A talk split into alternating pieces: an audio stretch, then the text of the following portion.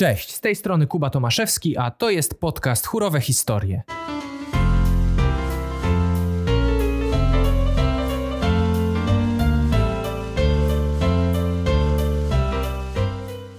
Wszyscy kochają opowieści. To one inspirują, motywują, uczą i pociągają. Wierzę, że to właśnie wyjątkowe historie mają największą moc oddziaływania i przekonywania. Chórowe historie to spotkania z ludźmi, którzy żyją śpiewem. Niektórzy są profesjonalnymi muzykami, inni pozostali amatorami, ale ani jedni, ani drudzy nie wyobrażają sobie życia bez śpiewu. Właśnie im chcę oddać mikrofon, żeby dzielili się swoją pasją i ubogacali nią życie innych. Chórowe historie są dowodem na to, że warto śpiewać.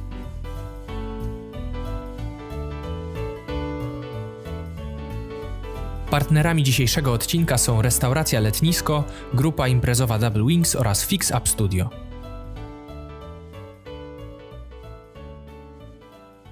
Mojego dzisiejszego gościa wielu osobom nie trzeba przedstawiać, bo już nie jeden chór śpiewał jego utwory e, albo miał okazję z nim współpracować. E, to zdobywca wielu nagród kompozytorskich, autor pięknych kompozycji, opracowań churalnych i instrumentalnych. E, myślę, że z każdym kolejnym hasłem nazwisko będzie coraz bardziej jasne. Dyrygent żeńskiego chóru Szkoły Głównej Handlowej w Warszawie, drugi dyrygent mieszanego chóru SGH i męskiego chóru Cantores Minores, E, prowadzący cyklu koncertów klasycznie niepoważni, specjalista emisji głosu, trębacz, pedagog Uniwersytetu Muzycznego imienia Fryderyka Chopina w Warszawie. No a to tylko malutki wycinek całego muzycznego dorobku naszego gościa, Jakuba Szafrańskiego. Z Jakubem porozmawiamy o tym, jak i po co zaprosić muzykę klasyczną do swojego życia i posłuchamy jego historii, o odkrywaniu i przybliżaniu muzyki klasycznej szerokiej publiczności.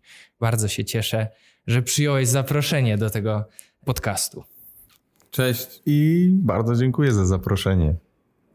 W jednym ze swoich wywiadów dla Radia dla Ciebie, pod koniec tego wywiadu, wspomniałeś o koncepcji muzycznej kanapeczki, czyli e, utworu, który trafia w gusta wielu osób, e, bo jest w nim dużo ulubionych składników.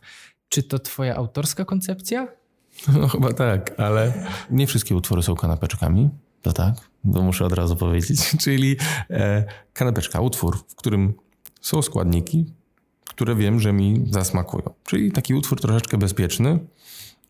Nie wychodzę tym utworem poza swoją strefę komfortu, e, tylko utwór, który rzeczywiście będzie mi smakował tak, jak wiem, co najbardziej lubię sobie przygotować. Czasami dla innych też chętnie zrobię kanapki i wiem, że oni lubią pewne składniki, kojarzę ich, prawda, z pewną muzyką. Patrząc na swoich znajomych, na pewno gdzieś tam mógłbym powiedzieć, że ten słucha takiej muzyki, ten, ten, ten lubi bardziej monumentalną, ten lubi kameralne granie i, i imitację, a ten... Yy, słucha pewnego innego zbiorów angielskich kompozytorów dwudziestowiecznych, więc mniej więcej wiem, w jakiej estetyce ci ludzie się obracają i jeżeli ja mam dla nich pisać muzykę, to po prostu gdzieś tam przemycam składniki, które myślę, że trafią w ich gusta.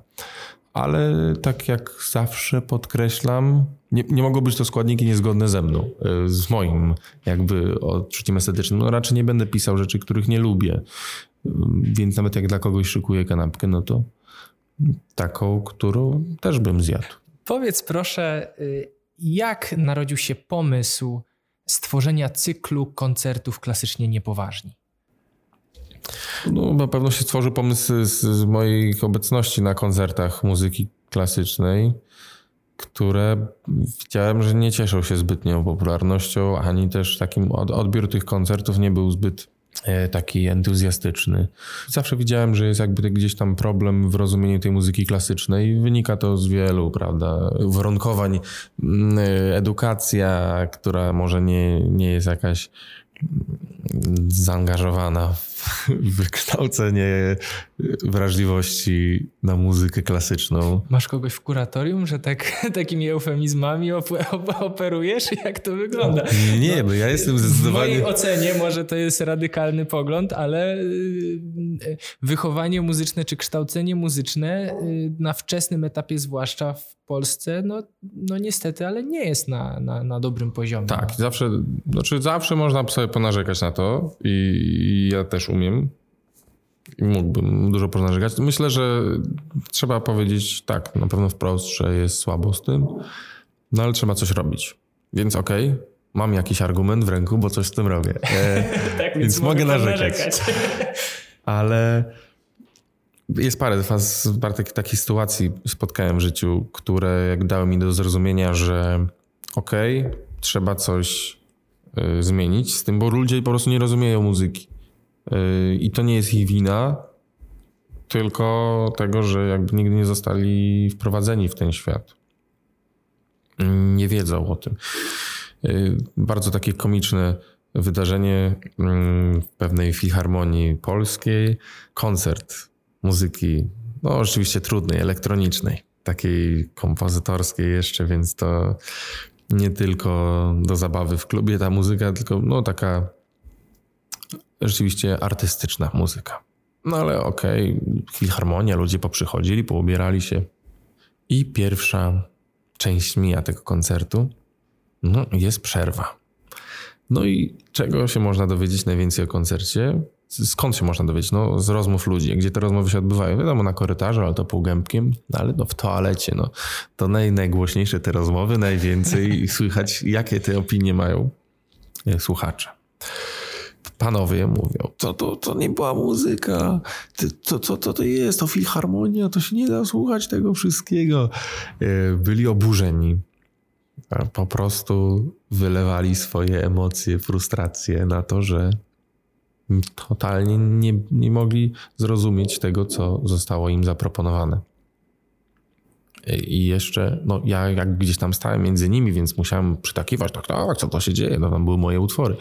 E, I tak, tak, to, to, to jest skandal, ja mówię, to jak, jak to można do filharmonii, takie rzeczy, no musiałem jakby się z nimi zbratać, żeby rzeczywiście zrozumieć, o co im chodzi, co im się nie podoba. No, e, chciałem, chciałem ich wysłuchać.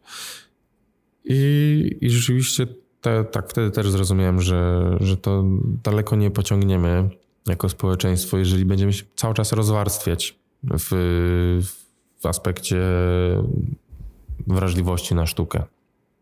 Bo to jest takie rozwarstwienie społeczeństwa.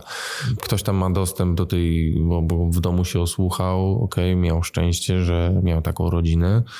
No jest masa osób, która nie miała takiego szczęścia i nigdy nie będzie mogła zrozumieć. I dlaczego warto to robić? No, według mnie no, po prostu to jest pewne piękno, które warto, żeby więcej osób mogło poznać. I, i moim zadaniem, tak sobie wymyśliłem, będzie pomaganie tym ludziom zbliżenie, żeby się zbliżyli do tego piękna.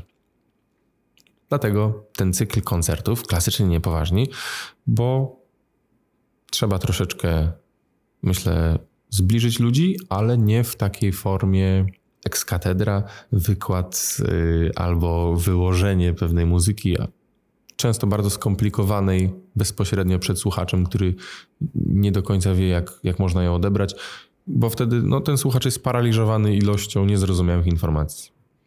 To, to, to tak, po prostu stąd, stąd wyniknęły te moje motywacje. Na czym polega taki koncert? W jaki sposób on wygląda? Tak, żeby y, słuchaczom też y, przybliżyć, jaka jest formuła. Jest to muzyka klasyczna dla każdego. Muzyka klasyczna dla osób, które chciałyby kiedyś y, wejść w ten świat, ale nie wiedzą, którymi drzwiami, nie wiedzą, jak, jak można słuchać muzyki klasycznej, skoro nigdy nie mieli z nią kontaktu. I na tych koncertach dowiedzą się, że każdy słucha po swojemu, że każdy umie słuchać tej muzyki. Ja mogę zaproponować parę różnych wejść, drzwi. E, też moim zadaniem jest pokazanie pewnej palety barw, jaką w ogóle daje muzyka Wydaje mi się, że muzyka, która nas otacza, taka popularna, no, operuje niewielką ilością, ma, małą ilością kolorów. To jest parę kolorów, a, a w muzyce klasycznej można ich odnaleźć, jazzowej, no w ogóle w muzyce takiej mm, bardziej złożonej. Myślę, że można wiele znaleźć i więcej można odczuć. I po to, po to ten cykl koncertów, żeby ci ludzie mogli poczuć coś dobrego, zwiększyć swoją wrażliwość. Po to są te koncerty i to jest w sposób bardzo niezobowiązujący. To nie jest formuła filharmonii, jest to formuła bardzo luźna. Nie trzeba być świetnie ubranym. Jest ciemno, więc i tak nikt nie zauważy. Więc przychodzi się jak do, no, do jakiegoś tam dużego pokoju u znajomych. Też po to jest ten fotel na, na estradzie, żeby, e, żeby dawał do zrozumienia, że to jest miejsce bardzo blisko wykonawców, gdzie akurat ja siedzę i słucham ich. Po prostu jakbyśmy byli razem e, w jakimś domowym miejscu i, i słuchali muzyki. I były takie przecież inicjatywy w historii muzyki, też mnie zainspirowały właśnie takie salonowe granie, tylko ono było się odbywało w arystokratycznych takich miejscach, ale już nie mamy mm, takich potrzeb, żeby y, tutaj się oddzielać jakoś klasowo. Całe szczęście, więc y, po prostu spotykamy się w salonie takim muzycznym i słuchamy muzyków młodych, pełnych energii. To też jest tym założenie, założeń naszego cyklu. Są to młodzi ludzie pełni energii, mm, bez takiego y, zblazowania życiowego i gonienia za hałturą. Oni tu przychodzą zrobić koncert i, i podzielić się naprawdę wysokimi umiejętnościami, które prezentują. I to jest idea. Mogę tak powiedzieć, jakie instrumenty już się przewinęły. Tam no, był akordeon, był kwartet saksofonowy, był akordeon ze skrzypcami, był, była wiolonczela z solo i wiolonczela z głosem sopranowym. To, to bardzo niezwykłe połączenie. Był kwintet blaszany, kwintet drewniany, e, był tylko odcinek właśnie o perkusji tylko instrumenty perkusyjne, półtorej godziny, plus minus moje gadanie. Był odcinek tylko o operze, fantastyczna sopranistka. Chór? Chór był, no tak, to był chór. E, chór SGH pamiętam raz był, był Cantores Minores chór też na, na to A, był koncert to, świąteczny. To był koncert świąteczny, z, tak, to było połączone. I jeszcze pamiętam Gradusów.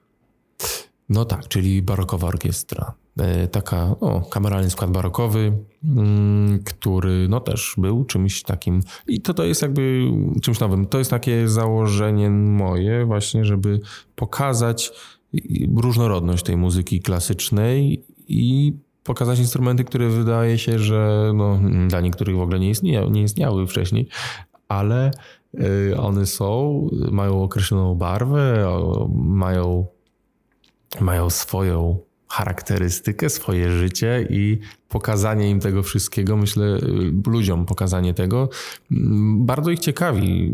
Sam, po prostu sam, sam układ tych miliardar rurek jest dla nich już fascynujący. A jeszcze jak to wydaje dźwięk, no myślę, że to jest bardzo y, ważne, żeby ci ludzie coraz więcej mogli wziąć z tego życia, czy mm, formuła tych koncertów, która zakłada pewnego rodzaju odczarowanie muzyki klasycznej, rzeczywiście spotyka się z takim odbiorem pozytywnym, że ludzie na przykład przychodzą do ciebie, e, mówią: O, dziękujemy, do tej pory nie wiedziałem, że utwór można podzielić na takie części. E, czy sposób przedstawiania przez ciebie informacji ma jakiś taki właśnie określony cel, żeby tych ludzi faktycznie porwać. W jaki sposób wpadasz na te pomysły? Jak przybliżać e, te rzeczy w sposób taki atrakcyjny dla niewprawionego słuchacza? Czy, mm, czy ludzie jakoś reagują na to po koncertach? Tak. I bardzo różnie. Niektórzy pozytywnie, niektórzy mniej. E, są, są i takie, i takie głosy. Bardzo cenię to, że są to szczere głosy. To to zapadło mi w pamięć, jak po prostu gdzieś zamówiłem mm, coś do jedzenia i czekając na, na zamówienie, po, po, podchodzi pani z synem i syn taki 10 lat i ona mówi, to pan jest klasycznie niepoważni, e, bo syn tak poznał, a ja nie byłam pewna. Ja mówię, no tak, mm, no bo y, gdyby nie pan, to syn mówi, że on nigdy by nie wytrzymał tyle słuchając muzyki. E, w sensie mam, pewnie miała na myśli to, że są przerwy na moje gadanie e, i dlatego ten syn jest w stanie wytrzymać. I to jest jednym z głównych takich. Też bardzo, to jest bardzo istotny czynnik, że ta muzyka nie jest grana non-stop, bo jeżeli sprawia nam muzyka klasyczna przyjemność, nie jesteśmy z nią osłuchani, to jesteśmy przyzwyczajeni do form pięciominutowych, maksymalnie, prawda, Stairway to Heaven, to miał wielkie problemy z, z, rozgłośniami radiowymi, że, że tak długi jest to utwór. Led Zeppelin miał tylko 3 minuty, tak, skróconą wersję, no ale w końcu pojawiły się protesty ze strony zespołu, że nie może być utwór grany przez 3 minuty, przez 5. No i te wytwórnie radiowe miały problem, bo utwór był na topie, a oni mają tylko te 3 minuty na utwór przeznaczone. I my się wychowaliśmy już teraz w takim świecie trzyminutowych utworów. Dlatego słuchanie muzyki klasycznej jest też o tyle cięższe, że to są dłuższe formy.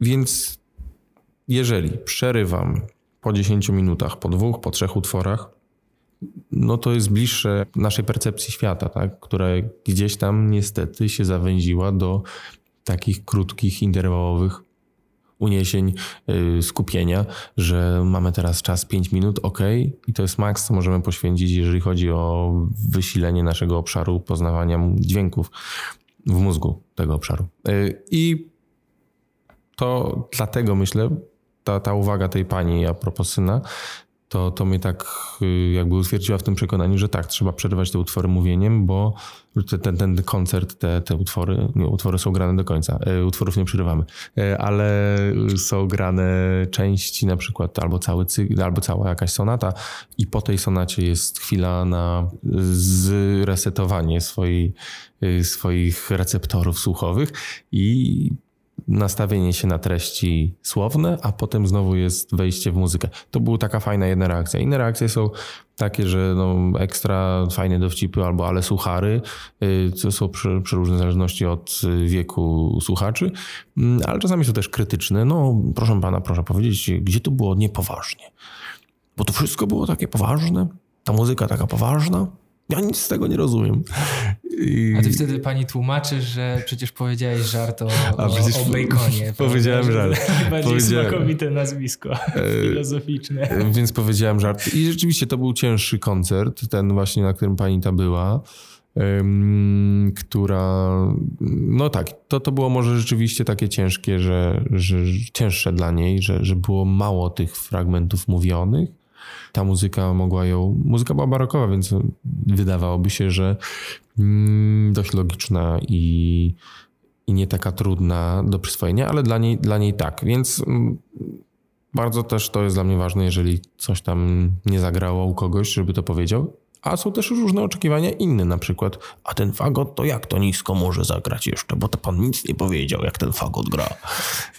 I, i i to pokazuje mi, jakby czego ci ludzie potrzebują, bo oni poznają tę muzykę przez struktury poznawcze, które już sobie wyrobili, tak? No to, to są ludzie w różnym wieku. No jak są jeszcze młodzi ludzie, to oni mogą sobie wytworzyć różne kategorie poznawcze. To jest dla mnie ważne, jak oni podchodzą i mówią, że dla nich jest ciekawe, jak ten instrument jest zbudowany, albo jak on nisko może zagrać, tak? I to są rzeczy, które jakby mm, wzmagają ich emocje, a jeżeli się pojawia emocja, to jest fantastyczny moment, żeby weszła muzyka. Albo yy, żeby oni zapamiętali, żeby oni zaczęli przyswajać, przyswajać tę muzykę. Dlatego ta muzyka jest na przykład super ważna dla nas w najważniejszych momentach naszego życia, tak? Jakieś śluby, pogrzeby.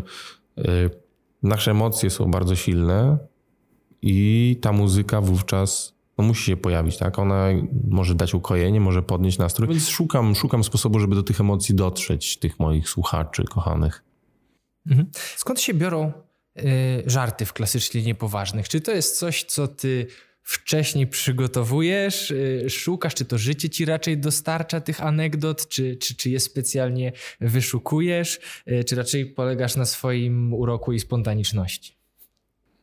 No pamiętam pierwszy odcinek, tych klasycznie niepoważnych i tam rzeczywiście miałem dość sporo napisanych yy, pomysłów yy, i dowcipów.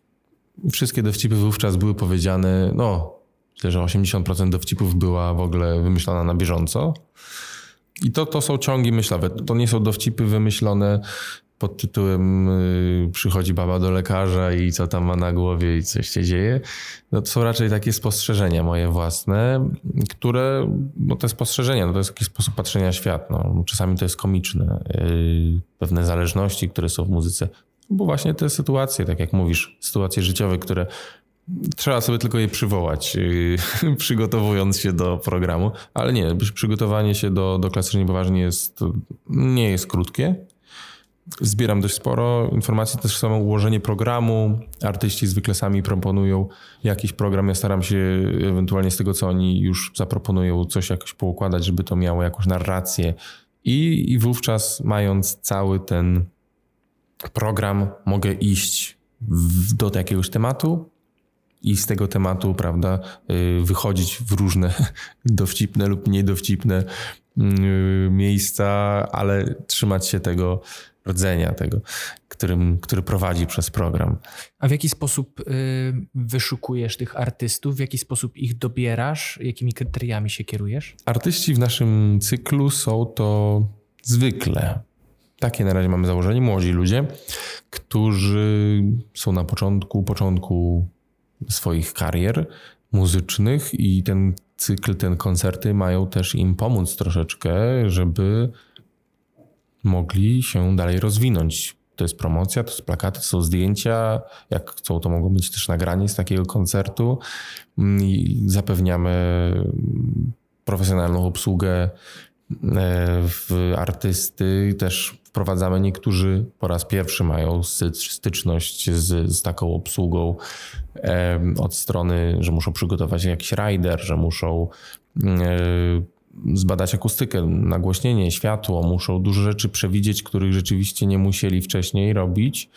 E, a część z tych artystów już jest świetnie obeznana i, i to jest po prostu mm, też są u początku swojej kariery, są trochę bardziej zaawansowanymi muzykami, aczkolwiek e, dla nich to jest ważne wystąpić w Warszawie, wystąpić na tej scenie, bo to coraz bardziej mm, fajnym miejscem jest dla muzyki klasycznej Dom Kultury Kadr. W środowisku muzycznym jest to już znany cykl. Country jest bardzo znany z muzyki jazzowej, z dobrej muzyki jazzowej, która jest tam grana, a teraz powoli klasycznej. Mhm. A jakie są trudności związane z organizacją? Mm, są jakieś wyzwania, e, problemy, z którymi się spotykasz? E, czy wszystko idzie gładko i sprawnie? No, myślę, że promocja cały czas jest takim miejscem w ogóle w sztuce naszej, e, tej klasycznej, w sztuce muzycznej że, że ta promocja myślę, że mogłaby być na lepszym poziomie i tutaj możemy czerpać wzorce z komercjalnych tych przykładów, e, które muzyki komercyjnej, e, która no, świetnie sobie radzi z tym, ale no, wytyczyła ścieżki, które myślę, że można, można tymi ścieżkami podążyć. Również, również w muzyce klasycznej. I, I to jest taka takie wyzwanie, może nie problem, nie trudność. Facebook, y, YouTube, myślę, że to tam jest bardzo duży potencjał. No, muzyka klasyczna nie wykorzystuje tego potencjału. No tutaj ja przyglądam się od ostatniego czasu Jakubowi Józefowi Orlińskiemu, który ostatnio duży sukces y, osiągnął, coraz więcej nagród, y, dużo pracy włożonej w rozwój. I tutaj też widać, że za tym idzie duża promocja i może warto by było e, podpytać, dopytać, co można by było zrobić, Juska, żeby, żeby klasycznie niepoważni. Ma świetnego agenta. No, to jakby nie patrzeć, on, on jakby był w Polsce tutaj u nas e, i, i świetnie mu szło, ale wiadomo, Stany i, i zupełnie inaczej wygląda ten, ten świat tego biznes, show biznesu. Nie ma co ukrywać, to jest show biznes na, na, na pewnym poziomie już, w muzyce klasycznej też, e, ale to są agenci, którzy którzy są dość już bezpośredni. Jeżeli chodzi o promocję, myślę, no jesteśmy troszeczkę tacy staroświeccy, można powiedzieć. I, I, myślę, że warto trochę to odmienić. Ten podcast myślę, że jest też wyjściem ku temu, że naprzeciw, żeby, żeby być bliżej instrumentami, środkami poznawczymi ludzi współczesnych. Potrafisz sobie przypomnieć jakiś taki most rewarding moment? Aha, tak, takie momenty. Ja najbardziej się cieszę z momentów, kiedy e, wykonawcy czasami się angażują jakoś w, w jakieś dialogi ze mną, albo e, kiedy oni, przede wszystkim kiedy wykonawcy mają dużo radości z grania, to to jest ten moment, kiedy czuję, że zagrało. W sensie, że udało się, udało się uzyskać tę mm, komplementarność tych wszystkich naszych dusz w, w, w danym miejscu, czyli tych naszych słuchaczy, wykonawców, jakby udało się ich wszystkich połączyć mm, w, w tej muzyce i i ci, ci, ci wykonawcy jakby zaczynają wychodzić naprzeciw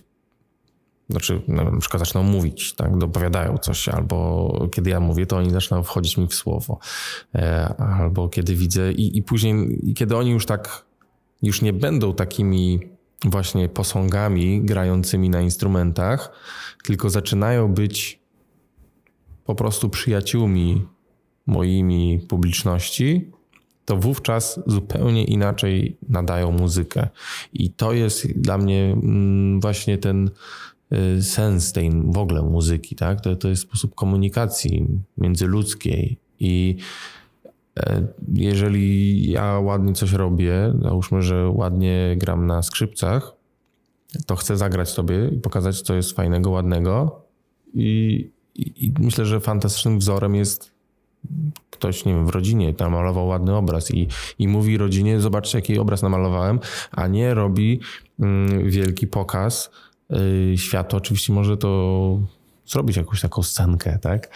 Ale wszyscy wiemy, że to jest y, Juzio, który tam pięknie namalował obraz i, i, fajnie i on zrobił to i pokazuje nam to z wielką serdecznością i tak chciałbym, żeby wyglądały te koncerty. Często się tak zdarza, że ci wykonawcy zaczynają, mm, są po prostu, jesteśmy wszyscy na tym samym poziomie, jakby to też te, nie ma tej bariery, nie ma tej takiej niewidzialnej kurtyny, która zawsze gdzieś tam wisi w filharmonii między wykonawcą, który w romantyzmie, romantyzmie dostał taką mm, łatkę y, osoby namaszczonej przez Boga. Y, okej, okay, ma talent, to na pewno jest wyjątkowy w tym wszystkim, ale on przyszedł do nas, żeby się tym dzielić. Nie z punktu jakiegoś wyższego Y, tworu, bytu, tylko jest jednym z nas, który chciałby pokazać coś naprawdę pięknego. I jak się uzyskuje tę chemię, to, to jestem najbardziej zadowolony i to jest, było parę takich momentów i, i no, no i na pewno, na pewno podczas takiego odcinka o perkusji, co się udało, e, pierwszy, drugi, trzeci koncert, no dużo, naprawdę dużo razy kontent, te koncerty nagle łapią taki moment y, niezwykłego połączenia między publicznością a wykonawcami. Dla mnie osobiście cykl y, klasycznie niepoważni, który prowadzisz, jest też taką okazją do tego, żeby, żeby właśnie bardziej zrozumieć tę muzykę, bo mam pewną wrażliwość, prawda? Potrafię poprzez to, że miałem od dziecka styczność z, z, z muzyką e, klasyczną, churalną, docenić e, pewne walory, ale bardzo często brakuje w tym zrozumienia tych wszystkich składników, które tworzą utwór, tworzą e, kompozycję. Także nie pozostaje mi nic innego, jak e, zachęcić e, wszystkich słuchaczy do tego, żeby, e, żeby obserwowali stronę kadru, szukali tam kolejnych koncertów z cyklu klasycznie niepoważni. Na tym może zakończymy dzisiejszy odcinek. Jakubie, bardzo dziękuję Ci za rozmowę i do usłyszenia w kolejnym odcinku. Do usłyszenia.